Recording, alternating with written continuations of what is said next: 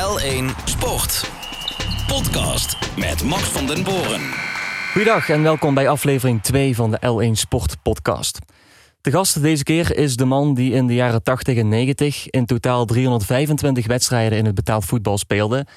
En dat allemaal deed voor een en dezelfde club, namelijk voor MVV.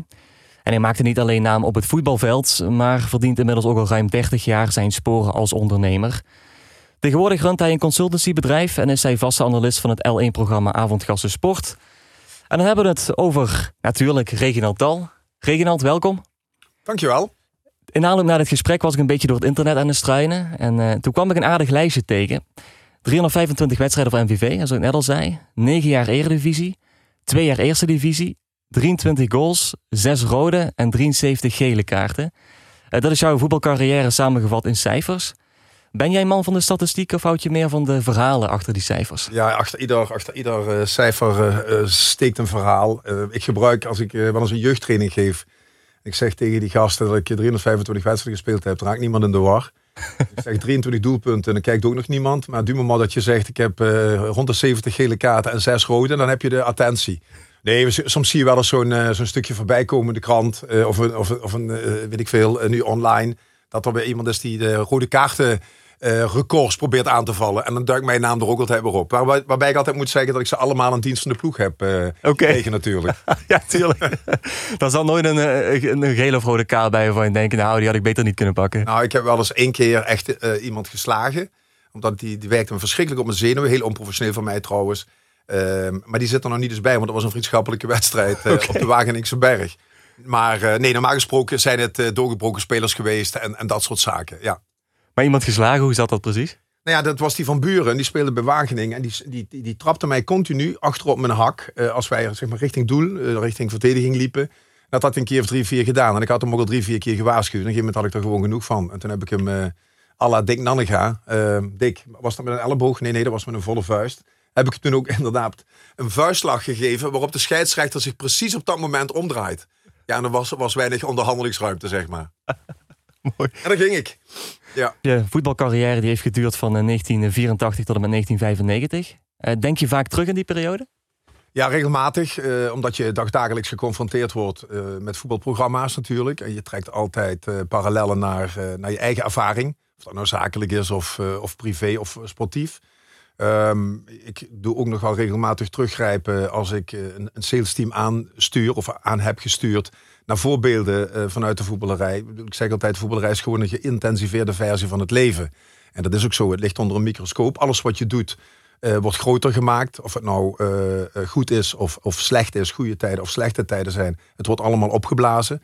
Ehm, dus ik heb daar ontzettend veel aan gehad. Als ik, heb vorige week nog bij de, de tennis- en padelclub in Roermond mogen spreken. En dan zeg ik altijd als, als, als payoff, ehm, ik heb alles te danken aan de voetballerij. Natuurlijk ook heel veel aan mijn ouders, maar ik heb heel veel te danken aan de voetballerij. En eh, je wordt heel snel jong, dan op een gegeven moment word je ervaren en op enig moment ben je oud. Dus je hebt feitelijk al een leven gehad op het moment dat je zeg maar, aan je echte zakelijke leven gaat beginnen. Ja, en als je, als je die voetbalcarrière in een paar woorden moet omschrijven, welke zou je daar dan op plakken? Nou, ik heb, uh, ik heb het geluk mogen hebben dat uh, ik was luidruchtig. Ik ben altijd uh, zeg maar een soort ja, hofnaar geweest in die zin. Veel humor. maar ook, ik zei altijd, ik was meer moe van het praten in het veld ook. Intimideren van de tegenstander en inspireren van mijn medespelers. En maar op een gegeven moment ben je natuurlijk jong. En kom je van de A1 kom je bij het C-team, heette dat nog. Maar toen had je bij het C-team had je, uh, nog mensen spelen met 23, 24 jaar. Dat is nu ondenkbaar.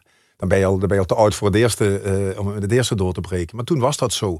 En had je jongens als uh, Jos Delahey, Ruud Smeets, uh, Berrozen, Barry Penders. Dat waren allemaal, ja, dat waren voor mij mannen. Nou ja, dan kom jij vanuit de A1, heb je daar 39 goals gemaakt. En dan komen die gasten en die, ja, die laten je dan wel even voelen hoe snel... dan word je van een grote vis in een kleine vijver, een kleine vis en een grote vijver, zeg maar. En vervolgens mag je dan met het eerste meetrainen. Ja, dan sta je stijf van de zenuwen. Uh, ik was uh, lang, 1,96. Ik was redelijk snel voor mijn lengte. Maar ik was geen absolute kopspecialist. Ik was geen uh, verdedigend monster. Dus mijn, mijn positie moest nog een beetje voor mezelf uitgevonden worden. En ik heb ontzettend veel te danken aan het feit dat, um, dat ik de kleedkamer binnenliep. De eerste keer. Ik mocht meetrainen in 1983. Clemens Westerhoff was trainer. Die, die ongelofelijke bluffer uit Arnhem. Uh, MVV staat op het punt om kampioen te worden. In de eerste divisie. Nou ja, Van Marwijk, Nannega, Johan Dijkstra, Jo Kwade, uh, Arie van Staveren. Nou ja, allemaal spelers met, van, van naam en faam. En ik weet nog goed dat ik ging zitten op een plek. Ja, doodnerveus. En toen zei Johan Dijkstra tegen mij, die was toen 37. Ik ben net, net 19. Nou ja, dat, kon bijna mijn vader zijn. Ehm, toen zegt hij, dan moet je niet gaan zitten. Daar zit Bert van Marwijk. Nou, oh, gelijk opgesprongen. Ik ergens anders gaan zitten. En toen weet ik nog dat die trainer binnenkwam, die Westerhof. En die zegt, wat doe jij hier? Ik zei, ja, ik ben regionaal tal en ik mag meetrainen. Dat kan wel zijn, hier naast omkleden. Nou ja, iedereen lachen natuurlijk. Ik pak mijn spulletjes en toen zat ik, ik zeg altijd, voordat Co Adriaanse bij Ajax kleedkamer 2 hadden uitgevonden, zat ik er al middenin. maar weet je, dan merk je gelijk, Dijkstra heeft het goed met mij voor, want hij kan mij laten zitten, krijg ik zoveel mijn kloten van Van Marwijk. Um, en door dat, door, dat uh, door, die lacherige of humoristische introductie, nou ja, ging, die, ging die acceptatie veel sneller. En toen heb ik gewoon geleerd, uh, in het begin ook, ondanks het feit dat ik graag ook het podium zoek, je zoekt je momenten. Je moet eerst van, van jong naar ervaren komen. Je moet laten zien dat je wat kunt. En dan gaat die acceptatie nou, op een natuurlijke wijze. En dat zie, je ook, dat zie je ook in het bedrijfsleven. Ik heb wel eens tegen een vertegenwoordiger gezegd. Die zijn hand heel stoer, zijn arm heel stoer op een beurs over mijn salesmanager uh, legde. En zo van, kijk, ons eens even hier lekker de zaak onder controle hebben. Heb ik hem s'avonds aan de bar gezegd. Als je nog één keer je arm over de salesmanager legt, breken maar de schouder af. Ervaring kun je niet faken. Ervaring kun je niet overslaan. Uh, je moet gewoon eerst ja, grijze haren en littekens krijgen. Voordat je ja, je op een bepaalde manier kunt gedragen. Nou, tegenwoordig gaat dat dan ietsje anders. Het gaat heel snel allemaal. Met 19 ben je al, als je met 19 niet in de eerste elftal staat. en je bent zeg maar met een bepaalde transferwaarde in twee jaar te verkopen. ja, dan vinden ze het allemaal heel raar. Nou, bij ons had je de, de, ja, de weg van de geleidelijkheid. Zeker die begintijd. Um, dat, is, dat is, dat kan ik me voorstellen, lastig. Kon je wel jezelf zijn in de spelersgroep in het begin? Ja, wel. Ik, het stomste voorbeeld, ja, de mensen zullen denken van, uh, nou leuk dat topsport. Maar wij, wij reden dan terug met de bus en ik sloot mij altijd bij de oudere uh, garde aan. Dus dan zat een Van Marwijk en, en, en Nannega, noem ze maar op. Die zaten dan achter in een bus en een U, aan een soort kaarttafel. Daar werd ook nog stevig gerookt in die tijd, ook achter in de bus. Um, en ja, daar sloot ik dan aan en dan luisterde ik naar de verhalen. Ja, die gingen uh, diagonaal natuurlijk over van alles en nog wat. Dat kun je je voorstellen bij voetballers. En uiteindelijk hadden we dan ook één kratje bier, halve liters. En uh, ik weet nog heel goed dat ik, ik zat op de haven op het College, dat uh, Nannega een gegeven moment zei na twee uur busreis, hier, lange, heb je een half flesje. Ja, kijk, dat zijn, de, dat zijn de stappen en de acceptatie. En ik, toen ik de dag daarna op school kwam, nou, je verloren hè? Ik zei, nou verloren, half flesje bier van Nannega gekregen. En het, het hele visuele is hier, ik zeg maar wat, na anderhalve maand had ik mijn eigen flesje. En na vier maanden vroeg Nannega hoe ik aan dat derde flesje kwam. En zo ja, zo word je geaccepteerd. Maar als je niks kunt, nou, dan gaat het heel snel. Dan, dan, uh, kijk, en als je, uh, een, ik, ik heb bijvoorbeeld, uh, Sies Hofman zegt altijd, jij en Robbie Delahaye, jullie twee hebben mij weer, zeg maar als een soort ja, mentor on, opgevangen. En zo gaat dat ook. Je moet elkaar mogen. Hij moet ook wel wat kunnen. En, ja, en dan gaat dat makkelijker. Want als je iedereen tegen hebt en je hebt geen, niemand die je beschermt, ja, zo hadden wij met Sies Hofman de protégé. En ik werd ook zo door een aantal mensen opgevangen. En ook zeker door, uh, door Dick Nannega. Ja, Dick Nannega, grote naam natuurlijk. Um, hoe, hoe, was dat de omgang met, met de grote Dick Nannega als je daar komt als ja, middelbare scholier zijnde? Ja, het begin, je hebt de neiging om, uh, om meneer Nannega te zeggen. Maar dat had ik ook bij uh, meneer Dijkstra of bij meneer Van Marwijk. Kijk, een Rob Delahey, daar had je ook wel een beetje uh, ontzag voor. Omdat, omdat het gewoon stevige gasten waren. Die waren zes, zeven jaar ouder dan ik was. Of een Marcel Adam die, die verschrikkelijk goed kon voetballen. Die nooit zin had, maar verschrikkelijk goed kon voetballen. Uh, dus je hebt, bij iedereen heb je een beetje gradatie van respect. Bij de ene denk je, die kan ik hebben, al heel vroeg. Bij de andere denk je, hier moet ik wel voorzichtig mee zijn. En bij de volgende generatie denk je, hier moet ik vooral respect voor hebben. Ja, en dan krijg je die verhalen, net zoals wij vroeger. Kijk, ik heb Brokamp niet zien voetballen. Maar ik ken wel alle verhalen ondertussen. En, uh, uh, om, om, gewoon dat je, dat je luistert en respect hebt. En dan ook vragen kunt stellen, omdat je zelf ook ervaringen hebt. Maar zij dan wel op een hoger niveau. Ik heb niet gescoord in de WK-finale in Argentinië. Nou, Dick Nannega wel. Om het verschil maar even aan te geven. Je hebt natuurlijk ook eh, roemruchte trainers meegemaakt in je carrière. Hoe, hoe, was die onderlinge relatie tussen jullie? Ja, dat is grappig. Ik doe, uh, ik doe altijd uh, leiderschap op een leuke manier visueel maken. Kijk, leiders worden die geboren, ja of nee? Kun je leiders maken, ja of nee? uiteindelijk denk ik dat je wel een soort van DNA moet hebben. Wat al in de baarmoeder voor 80% geregeld is.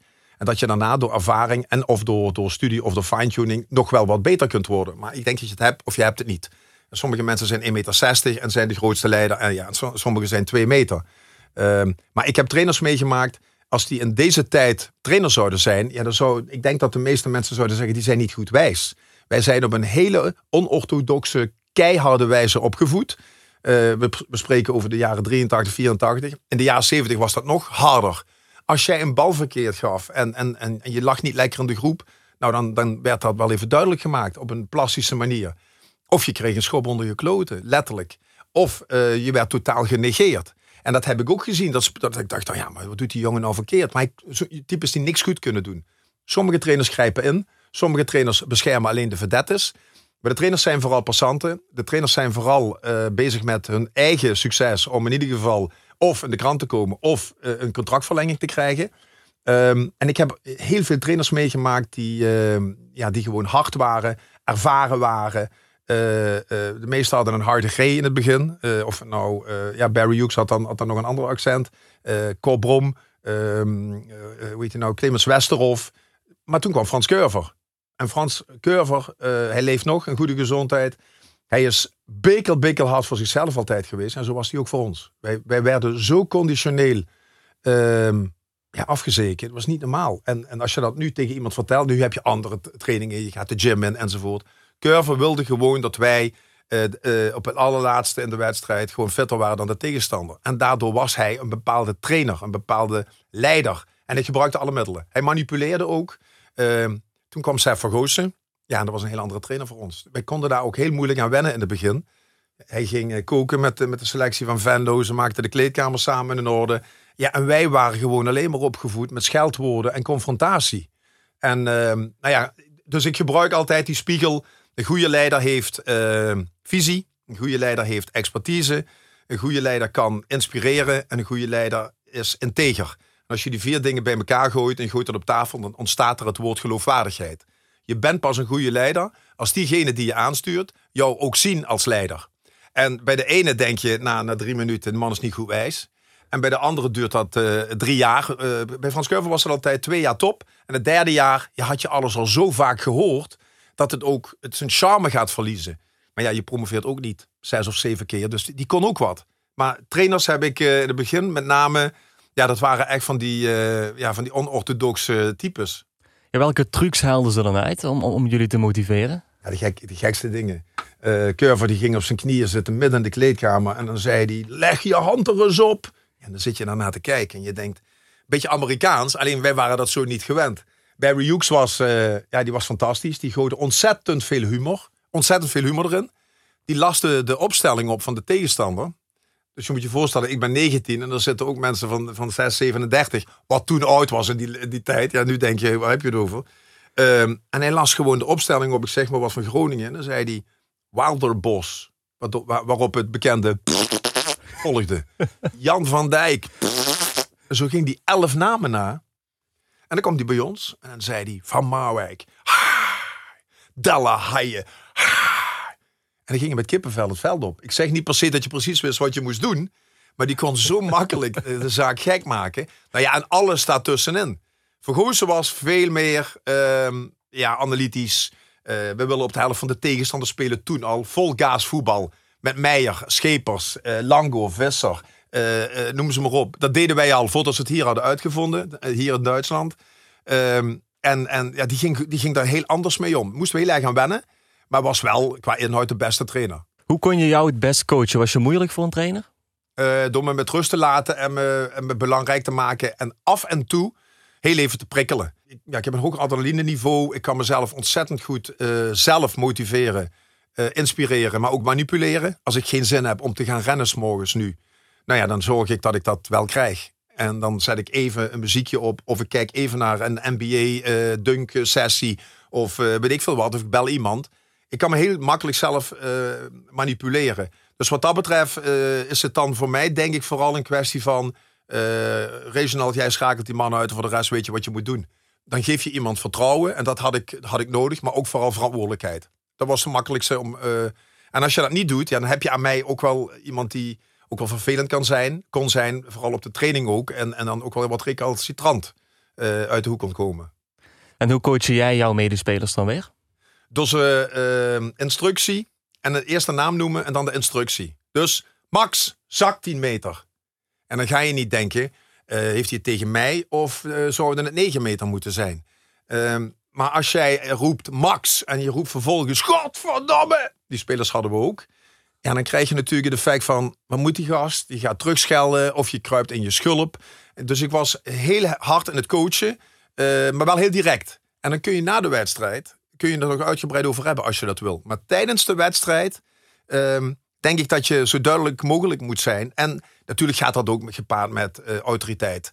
Uh, in het begin heb je die niet. En gaandeweg zien mensen ook, ja, hij heeft er ook wel verstand van. Hij zegt dit niet om mij pijn te doen. Hij zegt dit om mij sterker te maken. Of, en soms gaat dat met humor. En soms gaat dat met, uh, ja, met, met, met, met wat ja, met hardere hand. Ja. Heb je alles uit je voetbalcarrière gehaald? Nee, nee, nee, helemaal niet. Nee? Maar ik ben ook met, uh, ik heb MAVO HAVO Atheneum gedaan. En ik ben uh, met 21 uh, van Atheneum afgekomen. Ja, je blijft keer zitten en je verspeelt twee jaar. Dus ik was wat ouder, maar dat maakte niet uit. Want toen speelde ik ook al twee jaar bij MVV. Um, maar ik wilde niet alleen maar voetballen. Dat had natuurlijk ook met de beloning te maken. Ik doe er nu moeilijk over. Ik had in mijn eerste contractjaar 600 gulden dus zeg maar 327 euro of zoiets per maand. Um, en dat werd dan in twee staffels, 15 wedstrijden en, en 20 wedstrijden werd dat nog omhoog getrokken. Um, ik ben er nooit rijk van geworden. Ik ben er wel als mens rijk van geworden. Maar ik heb altijd de behoefte gehad om um, en te werken. En toen ik op een gegeven moment voetbalde, werkte en heb ik nog uh, school gedaan. Ik heb de gekste opleidingen gedaan, omdat ik ja, uh, dat nodig had. Ik wilde, ik kan niet biljarten, ik kan niet kaarten en ik heb ook geen zin om de hele uh, middag tussen de trainingen op de bank te liggen. Met alle respect voor de mensen die dat wel hebben gedaan. Erik Meijer was voelprof toen ik ik moest gaatjes maken om te gaan trainen. Maar Erik verzorgde zich echt als prof. Bleef langer hangen, liet zich vaker masseren. Was heel erg gefocust. Natuurlijk lag hij ook op de bank tussen de middag. Maar die was alleen maar bezig met beter te worden als voetballer. Dat heb ik nooit gehad. Voetbal was voor mij uh, samen met vrienden uh, ja, een betaalde hobby uitvoeren. Dat was het echt. Ehm, en ik had er meer uit kunnen halen. We hadden natuurlijk ook toen als excuus een verkeerd transfersysteem. Je speelde een aantal jaren, daar ging een factor overheen. Maar je salaris, ja, dan was je gewoon veel te duur. Ja, nu zou zou je zeggen, duur is wel relatief. Want voor iedere gek die de bal vooruit kan schieten, betalen ze een miljoen. Uh, in onze tijd was dat moeilijker om weg te komen. Daarnaast dachten mensen ook altijd, ja, hij is een typische Maastrichtenaar. Hij gaat nooit uh, weg bij MVV. Dat hebben ze vaker bij Roda of Fortuna gedacht. Ik geloof ook niet dat ik daar naar heen zou zijn gegaan. Maar goed, oh nee? ik heb dat, nee, dat zou ik nooit gedaan hebben. Omdat? Nee. Ja, omdat ik Maastrichtenaar ben en ik woon hier. Ik ben zakelijk zeg maar door heel Europa gereisd. Uh, mijn laatste opdracht heb ik 80.000 kilometer gereden op 14 maanden met drie dagen werken in de week. Ik ben altijd weg, maar ik vind het heel fijn om hier weer terug te komen. En niet dat ik zozeer, uh, ja, ik ben, ik ben wel een typische Zeng in die zin dat ik trots ben op mijn stad. Misschien ook wel een tikkeltje arrogant in die zin, omdat ja, wij zijn natuurlijk een burgstad, wij hebben de mooiste stad. Roermond is ook niet slecht en Venlo ook niet. Oude Romeinse steden. Maar ik zie mij wel echt als een, ja, als een Maastrichtenaar. Ik zou ook heel graag de uitdaging bij Roda zijn aangegaan als commercieel directeur voor een paar jaar geleden. Of algemeen directeur. Of, daar, waren, daar waren toen mensen die zeiden, dat moet jij gaan doen. Ik zei, maar dat kan ik niet gaan doen. Dat zou ik ook nooit gaan doen. Want hoe kan ik nou als Maastrichtenaar hier... Dat wordt ook niet geaccepteerd door, door, een harde kern. En zowel hier in Maastricht niet, maar ook niet in Kerkrade. Maar dat zou ik zelf ook niet willen. Sommige dingen doe je niet. En uh, nou ja, goed, dus ik heb, uh, ik heb altijd de balans gezocht tussen uh, betaalde hobby, werken, was ik wel heel ambitieus in. En daarnaast mezelf ook nog verder ontwikkelen. En hoe ik het gedaan heb die elf jaar, ik heb geen idee. Totdat het laatste seizoen kwam. En toen had ik bepaald voor mezelf dat ik ging stoppen. Ja, en dan valt de spanning van je af. En dan valt de spanning van je, van je, van je mentale kant af, de, van de fysieke kant af. Ik raak licht geblesseerd aan een, aan een voet, word geopereerd. Ze laten een hechting zitten en ik ben in plaats van twee weken, ben ik 2,5 maand uit de running. En ik kom niet meer aangesloten. En we degraderen dat jaar. Daar heb ik wel, daar kijk ik wel met heel veel uh, ja, frustratie op terug. Um, maar goed, uh, uh, ik heb een prachtige carrière gehad. Negen jaar eredivisie, twee jaar in de top van de eerste divisie. met grote spelers op het veld mogen staan. Ik heb net, of, of, gisteren een reportage van Cruijff gezien Uh, Cruijff heeft ook een keer als trainer bij Barcelona door de Geuselt gewandeld. En die langs hem. Ik heb tegen Van Basten mogen spelen. Uh, hij spits, ik, ingevallen als spits. Uh, ja, ik heb in de Kuip mogen scoren. Uh, ik heb dingen meegemaakt die andere mensen niet mee hebben mogen maken. En daar ben ik heel dankbaar voor. Want dat is het woord wat bij mij zeg maar circulair gebruikt wordt. Ik ben ontzettend dankbaar voor alles wat ik heb mee mogen maken. Je hebt nergens spijt van op sportief gebied, als je de hele carrière bekijkt. Nee, spijt is, uh, als jij naar links gaat en je moet een keuze maken, kun je niet naar rechts. Ik heb in mijn zakelijke leven uh, wel stevige beslissingen moeten nemen. Ik was natuurlijk uh, Maastrichtenaar, ik was MVV'er, maar ik was ook Sphinxman. Nou ja, hoe moet je het hebben? Prins Carnaval wil ik niet worden, daar, daar heb ik geen zin in. Maar voor de rest heb ik blijkbaar alles meegemaakt in Maastricht. En ik vind het gewoon heel fijn om, dat, om, dat, om daar ook trots op te kunnen zijn. Zonder arrogantie, maar trots gegeven moment werden we gereorganiseerd bij Sphinx. Ik was uh, sales manager. En nou ja, ik kijk naar een organogram beneden in de, in de Meuszaal, was dat toen nog op de Bosstraat. En ik kijk daarna en ik denk, of ik sta er niet op, of ik sta ergens waar ik niet wil staan. Ik loop naar mijn kantoor, ik ben gefrustreerd. Waarom weet ik niet precies, omdat niemand goed gecommuniceerd had. Er gaat een telefoon en iemand zegt tegen mij, ik zoek een eh, general manager voor Damixa. En ik zeg ja. Ik weet niet wat het was, ik weet niet waar het lag. Ik kende die historie niet, ik heb gewoon ja gezegd. Dat heb ik een keer of zes in mijn carrière gedaan. Dat mixer lag trouwens in Almelo. Dat reed ook lekker aan, 268 eh, kilometer. En ik was in één keer algemeen directeur van een bedrijf. Wat, wat, wat de Benelux bestreek. En, en eh, blijkbaar in kranen deed. Maar zo ben ik ook bij een, bij een uh, na Sphinx. Ben ik ehm, naar Growe gegaan. En de eerste dag dat ik bij Growe werkte. Om acht uur s morgens heb ik mijn eerste interview. En om half tien had ik beslist dat ik daar wegging. Ik had een salaris. Dat krijg je niet op een bierveeltje geschreven. Schandalig vond ik dat. Maar na twee maanden zei ik tegen die directeur, die CEO, zeg, ik voel me een frühstücksdirector. Ik doe hier niks. En ik wilde eigenlijk tegen hem zeggen, dat zou ik nu wel doen. En weer een paar jaar later van, ik kan er, er hier nog tien aanwijzen die niks doen. Ik word overbetaald en ik doe niks. En ja, toen ben ik daar weggegaan. En zo heb ik dat een aantal keer gedaan. Als ik niet het gevoel heb dat ik meerwaarde heb, hoeft mij niemand weg te sturen. Dan, uh, of ik begin er niet aan, of we gaan als, uh, als goede vrienden snel uit elkaar. En uh, ja, dat is, dat iets samen met de opvoeding te maken hebben. Iets, iets principieels voor mij. Spijt dus niet. Beslissingen wel hard genomen in, de, in, de, eh, in het zakelijke leven. Maar in de voetballerij altijd gedacht. Ja, ik doe het erbij. Ik was ook altijd. Uh, ik voetbalde. En, maar ja, mijn, mijn, mijn hoofdberoep voelde eigenlijk meer. Uh, of het nou inkoper was bij Sphinx. Of sales manager. En later commercieel directeur en directeur. Dat was, dat was mijn hoofdtaak. Jij hebt in het bedrijfsleven veel directeurfuncties gehad, als manager bij verschillende grote bedrijven actief geweest. In hoeverre verschilt de voetballer uh, regionaal tal nu van, van de zakenman, van de ondernemer? Ik ben uh, eigenlijk één op één dezelfde persoon. Uh, ik heb laatst een mooie opdracht gehad, wat ik net zei, vanaf Hannover tot de Ostseeküste, tot, uh, tot aan Leipzig onder, onder Berlijn. en daar ben ik op dezelfde manier naarmate je uh, ervarener wordt, ik zeg nooit ouder, want je hebt ook mensen van 60 die niks meemaken, maar ik, naarmate je ervarener wordt, weet je natuurlijk wel, nu kun je er met gestrekt been in, nu moet je wat achteruit zakken. Um, ik ben in grote lijnen wel dezelfde persoon, omdat ik ook bij bijvoorbeeld uh, Sphinx, en uh, was de eigenaar van Sphinx, en het werd op een gegeven moment een corporate omgeving, en we werden een onderdeel van, uh, van, een Duitse, uh, van een Duits zusterbedrijf. Dus waren heel veel ontwikkelingen. Maar ik zeg altijd, ik kon daar mijn vijf, zes persoonlijkheden allemaal in kwijt. En dat had ik ook als voetballer. De ene keer ben je, ja, pak je Cies als protégé. De andere keer ga je een duel aan met een vent van twee meter en krijg je een elleboog tussen je ogen. Het andere moment zie je dat iemand privé moeilijk zit. Een ander moment moet je met de supporters aan de gang. Ehm, dus zo kon ik al mijn facetten van mijn karakter zowel uh, zakelijk, maar ook zeker in de voetballerij kwijt. En als ik dat op elkaar leg, dan kom ik, dan kom ik, uh, ik wil graag leiding geven zoals ik wil dat mij iemand leiding geeft. Dat heb ik ook altijd uh, geproclameerd. En, ja, en ik leg echt uit wat in de Ivoren Toren beslist wordt. Dat kan ik heel goed uitleggen, ehm, zeg maar bij het, bij het voetvolk, bij de soldaten. En omgekeerd ook. En natuurlijk is dat een DNA, krijg je van thuis mee. Ik kan dat niet vaak genoeg herhalen. Um, super, super jeugd gehad. Broertje Victor, uh, Corrie Shell. Mijn vader is ook een oud voetballer. Die met 25, 26 een zware meniscusoperatie kreeg. En daardoor ik ook weer werd opgevoed van... maak je school af, zorg voor werk. Want het kan op één, met één overtreding kan het voorbij zijn. En eh, dat soort dingen spelen natuurlijk ook mee. Maar ik ben dezelfde persoon. Ik hoef mij, uh, ik hoef mij niet, een, een, doordat ik mijn kostuum aantrek met een stropdas... in één keer totaal anders te gedragen. Wat heb je eigenlijk geleerd in de voetballerij dat daarna van pas is gekomen in het bedrijfsleven? Dat als je met 5 met, met, met 5-0 verliest ehm, en je doet dat vier keer achter elkaar, dat het zaak is dat je uh, de zesde wedstrijd wint. En dat je alles eraan doet. Ehm, en dat heeft, dat heeft natuurlijk met structuur te maken. Hoe vaak trainen we? Dat heeft ook met uh, cultuur te maken. Hoe zitten we hier in elkaar?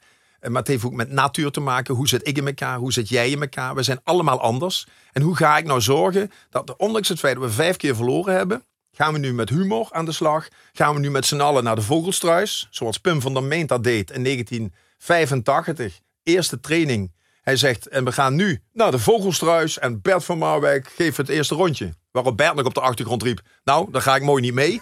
maar uh, en ik stond in de kroeg. Ik denk, nou, dat is ook leuk dat betaald voetbal. Maar soms is het die schroef waar je aan draait. Soms is het die schroef waar je aan draait.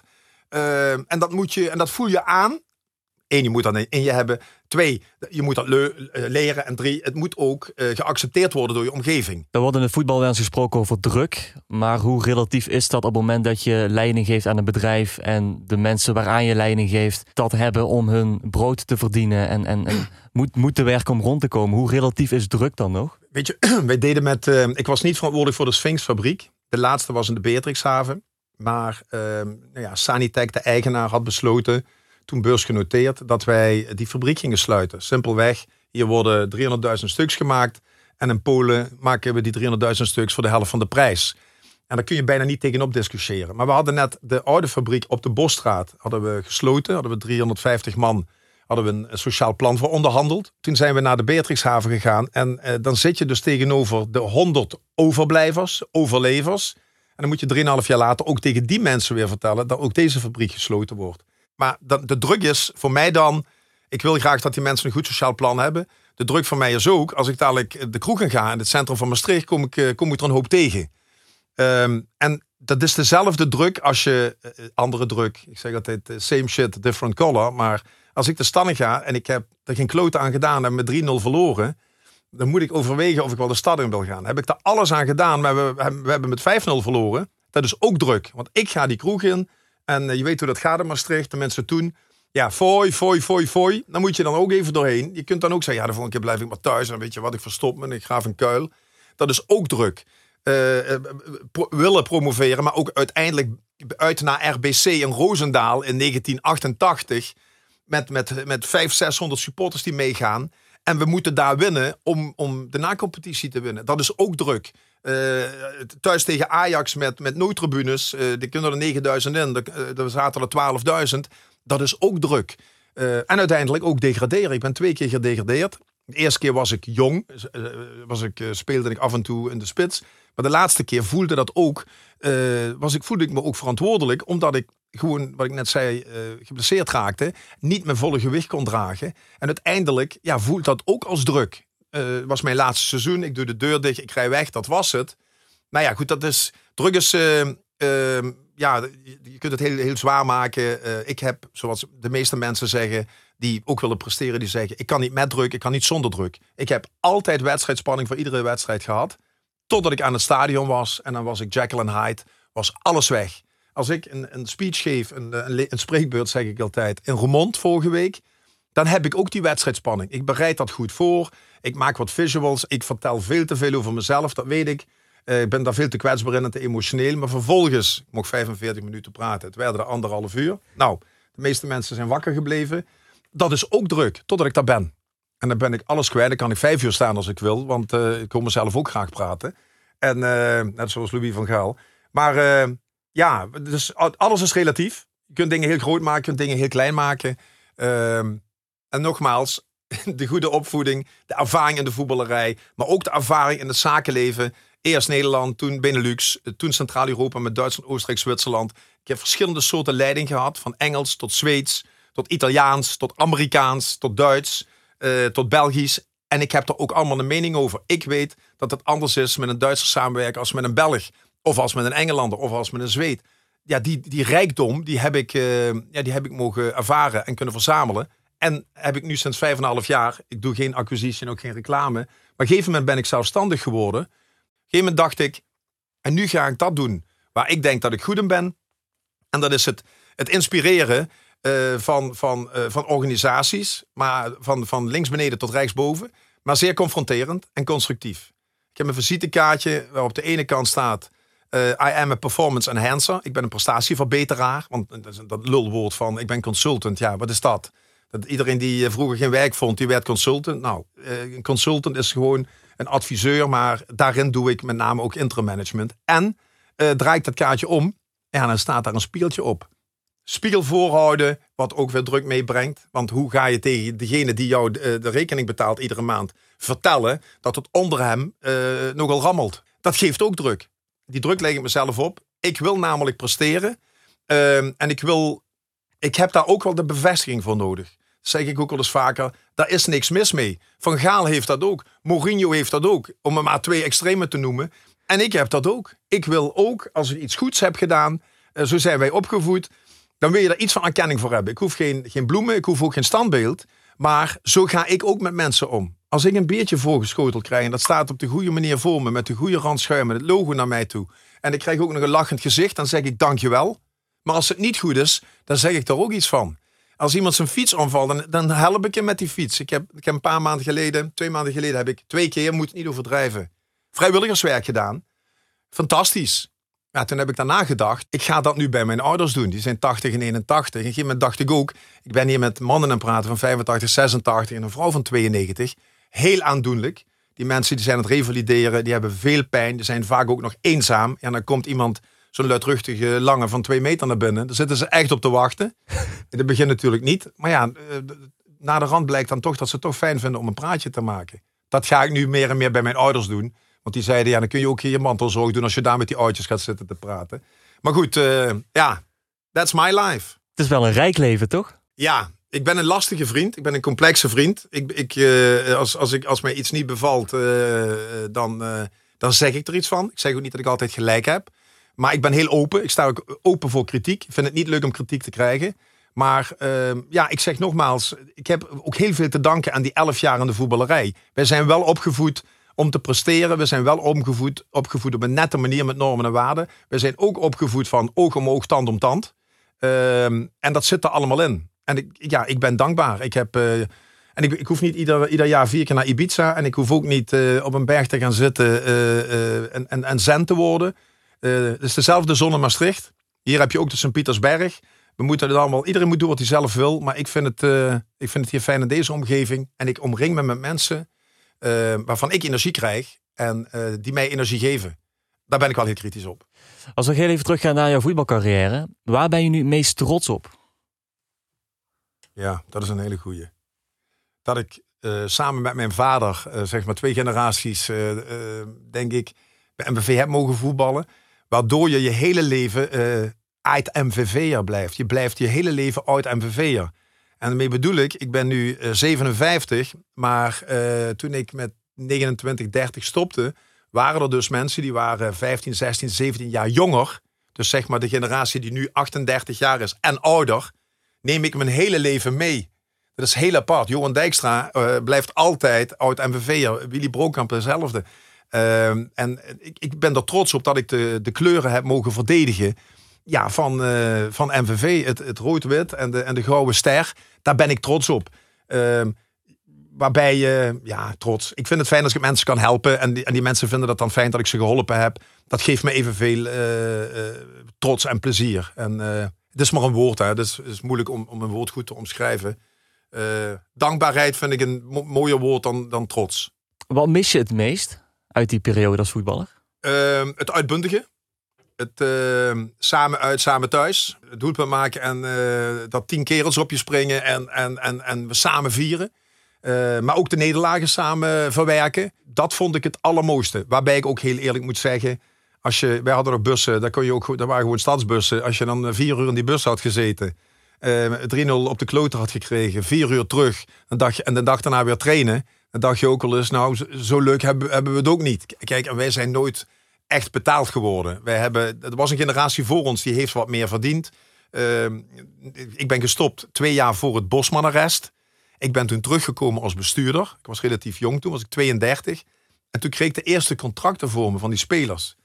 Danny Landsaat speelde hier, Jerry de Jong speelde hier, Wilfried Boma speelde hier. En ik zag die contracten. Nou, ik dacht echt eerst, uh, ik ben 32, zou ik nog eens even proberen. Dan ga ik nog eens even drie jaar er tegenaan. Salarissen waren verdrievoudigd. Dus je moet je voorstellen, uh, ja, als je die bedragen ziet staan, dan denk je, mijn god. Dus wij hebben, het voordeel was ook dat bij ons geld niet echt de drijfveer was. Ik denk dat uh, het was, ja, of hier, we speelden ook lang in hetzelfde elftal.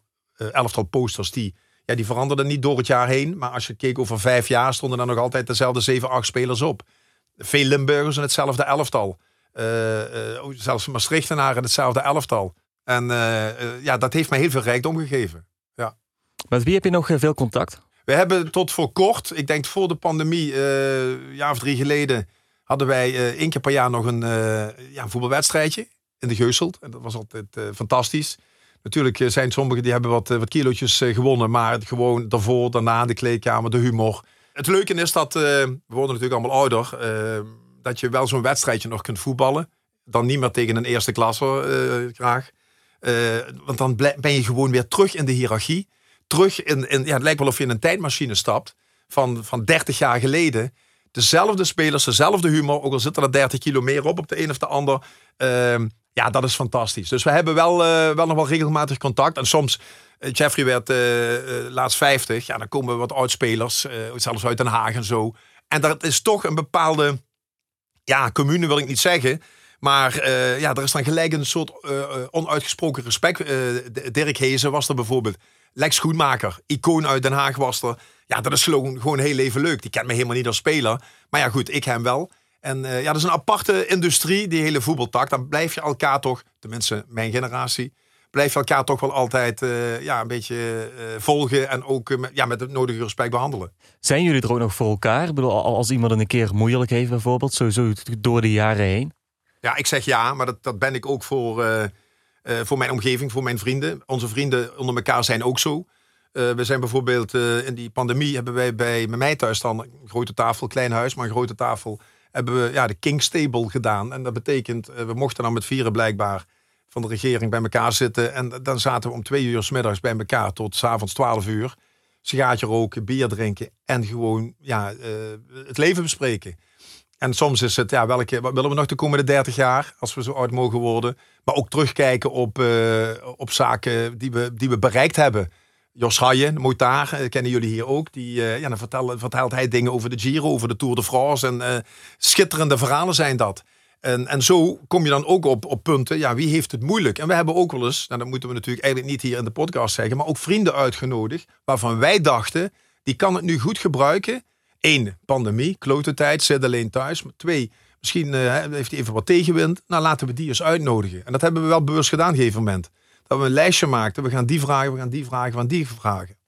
Er waren ook mensen die dat niet nodig hadden, die hebben we ook uh, uh, uitgenodigd. Maar ik denk dat dat ook in de voetballerij zeker zo is. Het beste voorbeeld was toen Bayern München met Gerd Müller. Die bijna onder een brug sliep en topscorer alle tijden was. En ja, die hebben ze een baan gegeven binnen de club. Um, ja, dat is mooi. En dat, dat, gebeurt in Engeland ook heel vaak, dat ze dat soort mensen niet een lot overlaten. Gelukkig heb ik niet veel vrienden die, die, die dit soort nazorg nodig hebben. Maar ik, ik, wij omringen ons wel. En ook zeker in de voetballerij is het wel zo geweest altijd. Uh, ja, we laten elkaar niet, ja, niet in de stront zakken. Nee. Je zei, als we dan met elkaar, hè, met zijn vrienden, een aantal vrienden bij elkaar zitten, dan praten we wel eens over wat willen we de komende 30 jaar. Wat wil jij nog de komende 30 jaar? Ja, dat was heel typisch. Ik ben ook al van het tekenen. Visueel, dat doe ik ook als, als we zakelijk onderweg zijn. Dan teken je hier een smiley. Bij, bij sommige mensen is dat een, een, ja, een, een, uh, zeg maar een uh, horizontaal streepje. En bij de andere is het een huilend en de andere is lachend. En dan trek je een lijn naar boven en dan teken je een smiley. Wat zou je nu nog, en dan trek je daaronder een tijdslijn. Wat zou je nu nog in die 10, 20, 30, we gaan allemaal langzaam nu naar de 60 toe. Zou je niet zeggen. Hè? Het is, nee, zeker podcast, niet. Maar helaas geen camera bij. Nee, flauwekul. Maar uh, ja, het kan maar zo zijn dat uh, je gaat ook mensen verliezen nu om je heen. En uh, je kunt ook met 30 uh, uh, gaan hemelen. Maar de kans dat, dat, ja, dat wij de komende 20 jaar nog bergen gaan beklimmen, wordt steeds kleiner. Ik bedoel, met 80 ga je niet meer gekke dingen doen. Daar ga ik vanuit. En ik vind eigenlijk het allermooiste dat wij feitelijk zeggen naar elkaar toe. Niet zo dat we echt nostal, nostalgistisch naar, of nostalgisch terugkijken en denken: we hebben het gehad. Nee, we zijn dankbaar. we hebben leuke tijden gehad. We hebben ook slechte tijden gehad. Maar het, was, het is een rijkdom geweest er zijn niet meer zo heel veel dingen die wij nu nog moeten meemaken in die zin. Dus ehm, ja, dan komen de clichés allemaal weer uh, uh, uit de hoek. Dat is gewoon gezond blijven. Goed zijn voor de mensen die goed voor jou zijn. mijn ouders die leven nog. Mijn broer die is nog gezond. Die had een, een, een, een hersenbloeding anderhalf jaar geleden. Is daar redelijk goed uitgekomen. ik heb een prachtige dochter van, van 24. Die gaat er ook voor de wind. Ehm, dus dat is het. Dus ja, een beetje eh, wel nog werken. Wel nog eh, goed kunnen zijn voor, uh, voor mensen die uh, zakelijk dan wel privé nodig hebben. daar ook de nodige energie in steken. En, maar als je nou zegt, wereldschokkende zaken die ik in het verleden niet gedaan heb, die ik nog echt zou moeten doen. Nee. Gaan we jou nog terugzien in de voetballerij?